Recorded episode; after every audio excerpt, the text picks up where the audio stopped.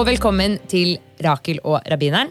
Dette er en podkast hvor rabbiner Joav og jeg snakker litt om forskjellige temaer i jødedommen. Temaer som kanskje ikke alltid er så lette å forstå. Temaer som ofte har flere svar, perspektiver og nyanser. Og viktigst av alt så ønsker vi å gi dere lyttere et innblikk i hvordan vi jøder diskuterer, utfordrer og forstår våre jødiske tekster. Og I denne episoden så skal vi snakke om en jødisk helligdag som er rett rundt hjørnet, som heter Purim. Eh, og Dette er en helligdag som egentlig ikke så mange kjenner til. Det er ikke en av hovedhelligdagene vi pleier å snakke så mye om, men det er en av mine favoritthelligdager. For dette er en helligdag vi feirer ved å ha en fest. Vi kler oss ut, vi spiser masse god mat, og så drikker vi også alkohol. Det er til og med en mitzva, en slags plikt, å drikke seg litt brisen. Eh, og det skal vi gå litt dypere inn i i dagens episode.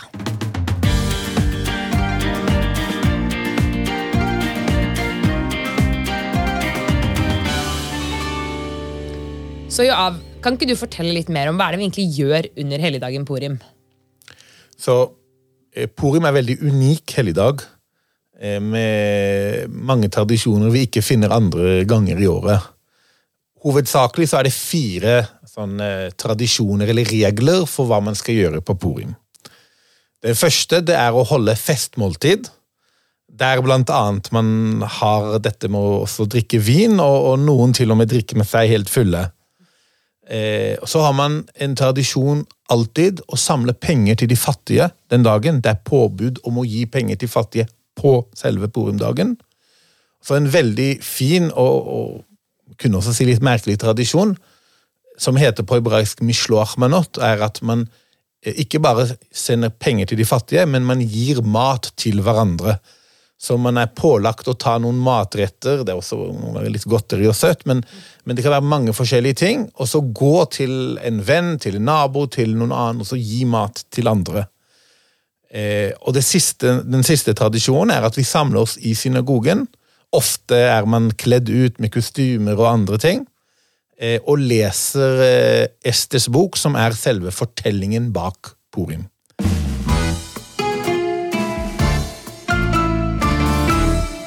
Alle disse tradisjonene og tingene vi gjør på Purim, kommer fra en historie om en dame som heter Ester, eh, som det står om i Esters bok, som er en del av Tanach, som er på en måte en større hellig bok vi har. Og det er en historie om dronning Ester, hvor hun bodde i altså for lenge siden, rett etter første tempelet ble ødelagt, hvor jødene var i eksil i, under det persiske riket, hvis jeg ikke tar helt feil, eh, og der ville kongen ha en kone. Og Da var det en historie om at det var mange damer som kom til palasset og skulle prøve seg som kone, og kongen han forelsket seg i Ester. Og Hun var jøde, men det fortalte hun ikke til noen. Så endte hun opp med å bli dronningen eh, av Persia. Og på et tidspunkt så var det sånn at en av kongens måtte, nærmeste rådgivere eh, han hadde veldig mye hat mot jøder og ville at konger ikke skulle drepe alle jødene. Og da ble jo Ester litt bekymret, og spesielt onkelen hennes, Mordechai, um, og sa du må fortelle kongen at du er jøde. Du må fortelle det. Eh, og hun gjorde det til slutt, selv om det var en stor risk for henne. Hun risikerte livet sitt. Og kongen ble veldig sint på hjelperen hans Haman, Um, og det endte opp med at uh, han rådgiveren ble drept, og Ester reddet alle jødene i det persiske riket. Så vi feirer helligdagen for å på en måte hylle dronning Ester, som reddet jødene fra en massaker på den tiden. Det er nesten riktig. Hele historien var veldig godt eh, forklart. Hva? eh, eh, og det er riktig vi hyller eh, Ester for hennes, eh, hennes eh, handling. Ja. Eh, eller takker henne, men vi hyller Gud for at han reddet oss. Så fokuset er egentlig, og det er litt merkelig eh, Ikke merkelig at man takker Gud for en redning, men hvis man åpner selve Esters bok, som er også kjent i den, den kristne bibel, også er der, og prøver å telle gangene Gud er nevnt i den boken, så er det null ganger. Så hele fortellingen skjer som du fortalte, her er det han som gjorde det, og litt politikk og litt eh, eh, eh, hat, hvor man sprer et lov om at alle jøder skal drepe seg, eh, eh, og hva man gjør med det. Men måten vi da gjenforteller, ikke historien fra boken, men i våre bønner, og det vi sier, er at vi snakker om miraklet Det var et mirakel, selv om det ikke skjedde noe som var en sånn åpenbar mirakel hvor himmelen åpner seg og viser seg. Men vi takker Gud for mirakelen om at vi ble reddet. Det er litt sånn spesielt. Vi kan jo analysere denne historien og det som står i Esters bok om hva som faktisk skjedde. Eh, det at onkelen Mordechai ikke bøyde seg ned for ham. Det fins mange små detaljer jeg ikke nevnte også i stad. Eh, vi kunne jo hatt en hel lang podkast om bare historien. Men det jeg har litt lyst til at vi skal sette fokus på i dag, som er mer sånn det ytre, det er hvordan denne historien da, som vi nettopp har nevnt, har utviklet seg til å bli en helligdag hvor vi kler oss ut. Hvor vi drikker alkohol, hvor det er nesten sånn at det, er jo en mitzva, en plikt nesten, et påbud at vi skal drikke oss brisende eller fulle. Hvor kommer det ifra? Hvorfor? Hva har det med denne historien å gjøre? Ja, Man kan si why not, ikke sant? Men, ja, ja, All grunn til at vi kan. Hvorfor ikke? og det er jo litt morsomt, fordi ofte har jeg fått spørsmål, og det er naturlige spørsmål fra elever og andre som møter en jøde for første gang, eh, hvor de stiller spørsmål får dere lov å drikke alkohol i jødedommen. Mm -hmm. Og Det er et veldig naturlig spørsmål, fordi for I islam så er jo det et, på, et, forbud. Og jødedommen er jo en religion som er basert på masse masse regler, så det er naturlig at man skulle tro at vi også kanskje ikke drikker alkohol. Men nå har vi her en helligdag hvor vi faktisk skal drikke alkohol. Og Hvordan kommer dette inn i historien?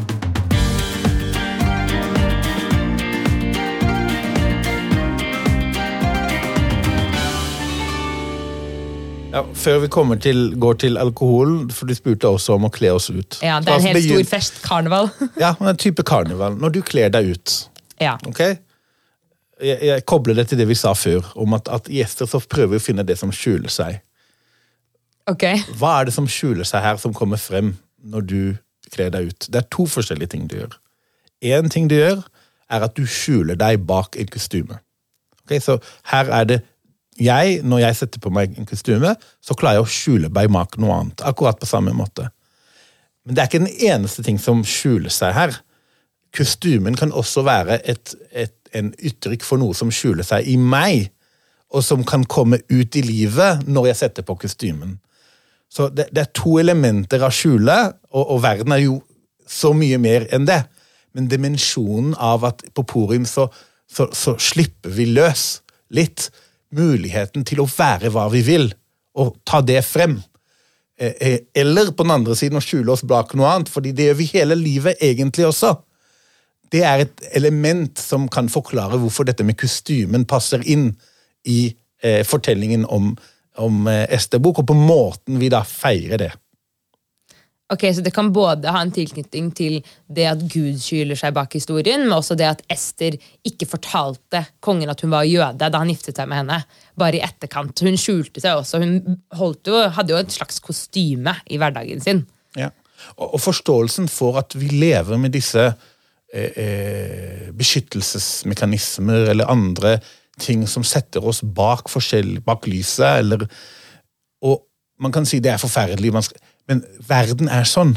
Mm. Men når vi erkjenner at verden er sånn, men lar noen ganger det som er inni oss, komme ut, da, da, da, finner vi en bedre balanse. at Vi lever ikke hele livet med å skjule. Vi forstår at vi skjuler ting, og vi prøver å få det skjulte ut i lyset på riktig måte, i riktig tid. Men, men, det er noe vi prøver, akkurat som vi prøver å finne Gud som er skjult i alt, selv om han også skjuler seg hele tiden. Han valgte å være, skape verden sånn at man ikke ser ham. Men ja. at det er vår oppgave å finne ut av det skjulte. Ok, greit. Hva med alkoholen, da? Kan du ikke eh. egentlig forklare litt mer sånn, hva, Hvordan drikker vi alkohol? I hvilken sammenheng? Hva, hvor kommer det fra? Sånn, så, så ren praksis, praktisk Det er ikke i synagogen mens vi ber, liksom? Noen gjør det også. Er det sant? Virkelig. I, i noen jødiske samfunn så, så er det eh, virkelig vilt med alkohol. Altså fylla? helt. Helt. Du kan se en Men, men jeg, skal, jeg, skal, starte med kilden. Ja. Man har forskjellige tekster man leser, blant annet på slutten av når man leser Esters bok, så er det en sånn tekst som sier 'velsignet er Mordechai', 'forbannet er Haman', som ville drepe alle jødene. Okay. Og Så er det en tekst i Talmud som, som har fått veldig mange forskjellige kommentarer på, som sier at man er pålagt på eh, eh, Purim og drikke seg til man kommer til en grad hvor man ikke klarer å skille, skille mellom velsignet er Mordechai og forbannet er Haman. Eh, eh, og I første tanke betyr det at når du ikke klarer å skille mellom de gode og de slemme, hvis det er sånn fortellingen kommer frem, Ja. da er du skikkelig full. eh, eh, eh, da, Ja. da er det ikke mye du klarer å, å tenke logisk etter du har, du har drukket så mye.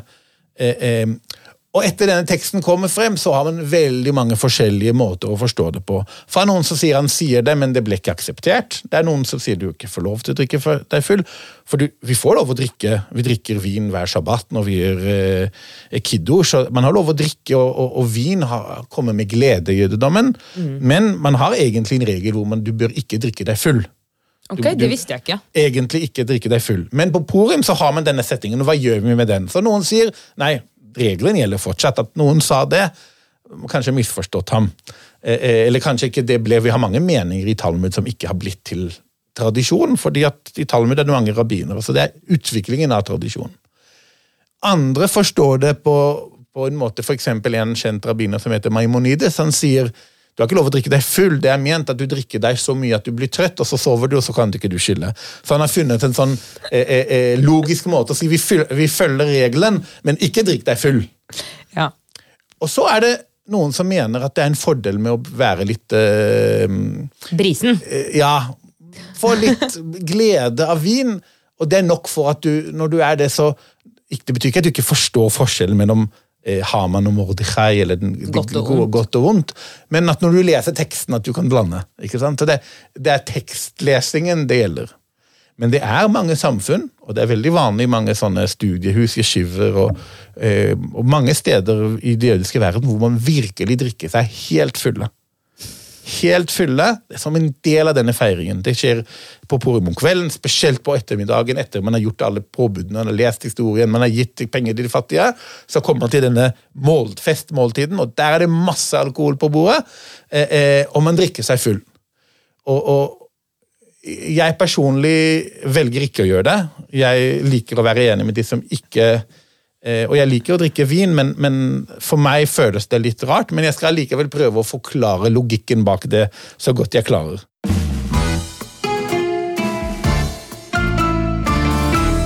Altså selvfølgelig, Vi har jo dette med at vi har Haman, som er han slemme som ville drepe alle jødene. rådgiveren til kongen, Og så har vi Mordechai, som er onkelen til Ester, som ber henne om å på en måte si at hun er jøde. Eh, og Mordechai er snill, Haman er slem. Og Vi har også en sånn tradisjon i synagogen at hver gang vi hører ordet Haman, siden han er slem, ikke sant, så skal vi bråke så mye som mulig. Vi har sånne um, Det heter rashanim, som betyr bråkemakere. Som er sånn, vet ikke hva, leker nesten, som lager lyd. Hvor vi da skal skrike og hoie og hver gang hans navn blir nevnt. Og man kan bare få prøve å tenke Han kom ut med en regel om at alle jødene skulle utslettes i hele verden. Og da, det, det var et en imperium. Og det kom ut basert på måten fortellingen kommer. Det, for oss, Haman og Hitler er nesten det samme. Hitler ville drepe alle jødene. Haman ville drepe alle jødene. Og så sier at du klarer ikke å skille mellom eh, Hitler og Anne Frank. Ikke sant? Den som ble angrepet, og den slemme. Eh, som ville drepe alle sammen. Eh, så det går hele veien dit. Det er helt, det er helt riktig. Men hvorfor vil vi ikke at det skal være et skille mellom det? Vi vil. Det er et skille. Så, så Men hvorfor skal vi glemme det ved å drikke alkohol? Akkurat den setningen som sa, jeg sa, det, det var å prøve å si hvor mye du skal eh, hvor, hvor langt du skal gå. Det er som sagt veldig vanskelig å forstå den. Men la, la oss tenke bare på alkohol et øyeblikk.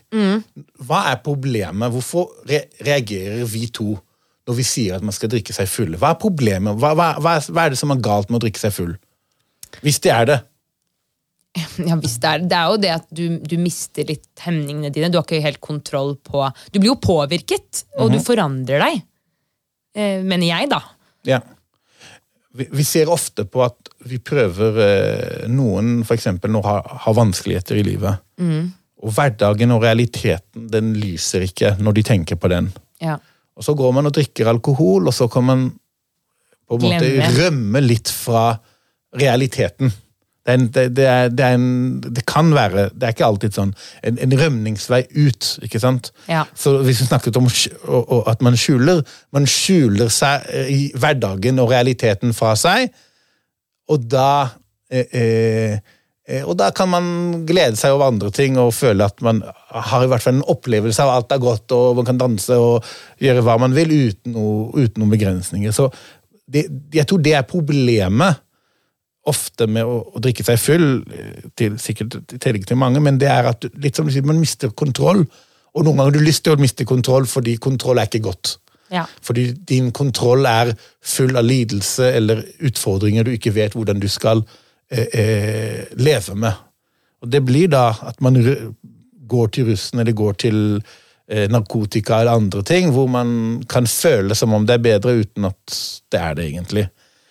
Og det er en måte å skjule som eh, er negativ. Ja. Det er, du, må, du må skjønne realiteten. Du må vite at eh, eh, eh, jeg er i gjeld, jeg må finne vei, vei ut av gjelden. Bare å glemme at jeg har en gjeld, det vil ikke gjøre situasjonen min bedre om et halvt år. Jeg har et problem i, i, i mitt liv, med min familie eller med andre eller med jobben min. Jeg må prøve å løse problemene. Det hjelper ikke bare å drikke seg full og sånn, og føle det, og så tenker jeg ikke på det. Eh, eh, det. Det er å skjule ting som man ikke skal skjule. Og det er i seg selv et problem. Men alkohol har også en annen side. Ok.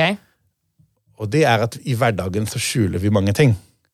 Og når vi drikker alkohol, så man sier det kom inn, det er en sånn setning Vin kommer inn, og hemmelighetene kommer ut. Jaså, hvor har du lært denne setningen, Johan? Den står i, i, i Talmud, faktisk. Nei? Ja, ja. Ok. Eh, eh, eh, og det, det, det forteller at noen av disse eh, eh, beskyttningsmekanismer som vi har i alkohol eh, Ikke i alkohol, i livet. Som, de, har, de er ikke alle også gode.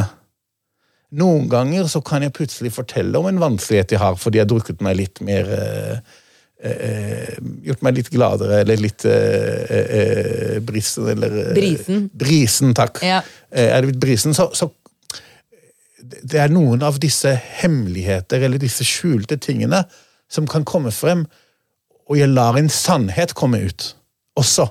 Det er også element i alkohol. Og, og man prøver, Det er noen rabbiner som sier på poren hvis du drikker deg full på en riktig måte, så går du den ene veien, den positive veien, og ikke den negative veien. Jeg vet ikke hvis det alltid funker, jeg kan ikke signere på det. Men det er en, et, et godt element i alkohol. Ikke du, hvis du gjør det hver dag. Hvis det er hver dag porim, så, så lever du i, i, i fantasiverden. Ja, det går jo ikke. Men å ha én porim i, i året, en gang i året hvor du slipper løs Ikke for å bli slem, ikke for å skade noen, tvert imot. Da kommer det, og Hvis man kommer til disse jødiske samlinger, du ser masse kjærlighetsuttrykk som du ikke ser. Jeg snakker ikke om, om, om seksualitet eller noe sånt. Virkelig folk som gråter av glede eller, eller kan si til sine eh, Noen ganger husker det man, husker det ikke. Si ting man ikke tør si på hverdagen. Mm. eh, og det, hvis det skjer én gang i året Og som sagt, jeg gjør det ikke, men hvis jeg skal forklare hvorfor jeg ser noe fint i at mange jøder gjør det, så er det med denne gleden som kommer med vin, med denne, disse skjulte ting som man plutselig lar seg snakke rent åpent om. Ehm, og det, Der går vi tilbake til samme element som gjentar seg i hele porium, om at ting skjuler seg, og at vi skjuler oss, og vi prøver å skjønne det, og så vise frem det som, ikke, som er skjult, som kanskje ikke bør være skjult.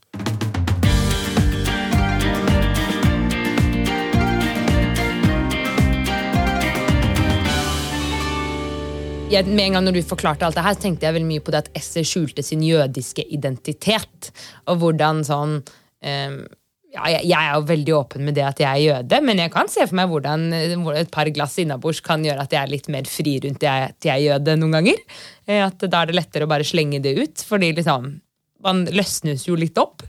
Eh, Men nå er ikke dette her noe promotering av at man skal drikke alkohol. og det er det jeg ser fint, Vi har jo veldig mange forskjellige helligdager i jødedommen. Vi har en helligdag hvor vi faster, en hvor vi ikke skal spise brød eller pasta i flere dager. Altså sånn. Vi har mange forskjellige ting, og så er det én dag hvor vi kan slå et litt løs eh, og glemme litt hva som er rett og galt, og bare feste. Det er en morsom eh, måte å se på de navnene. Du snakket om at vi har en av de nest, mest kjente fastedag er jo eh, Jom Kippur. Ja. Eh, og det er en dag hvor vi ikke spiser i det hele tatt. Vi bare er i synagogen, vi bare er strenge, vi bare angrer på Går rett i Sånn angremodus.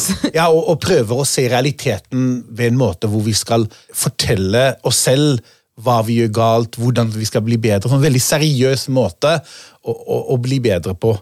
Men hvis man ser navnet på hebraisk, og så heter Yom Kippur egentlig Yom HaKippurim.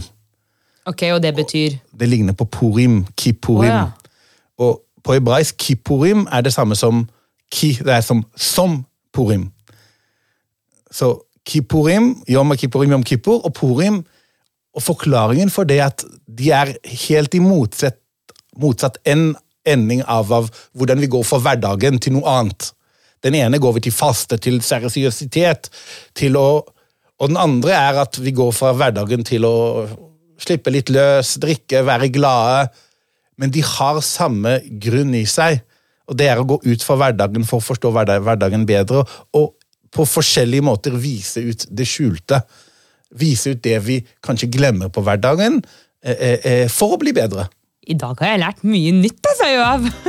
Det visste jeg ikke. Yom Hakipur. Takk for at dere hørte på Rakel og rabbineren. I neste episode så skal vi snakke om et litt tyngre tema, nemlig øye for øye, tann for tann. Vil dere vite mer om jødedommen, kan dere gå inn på jødedommen.no og lese mer der. Takk for i dag.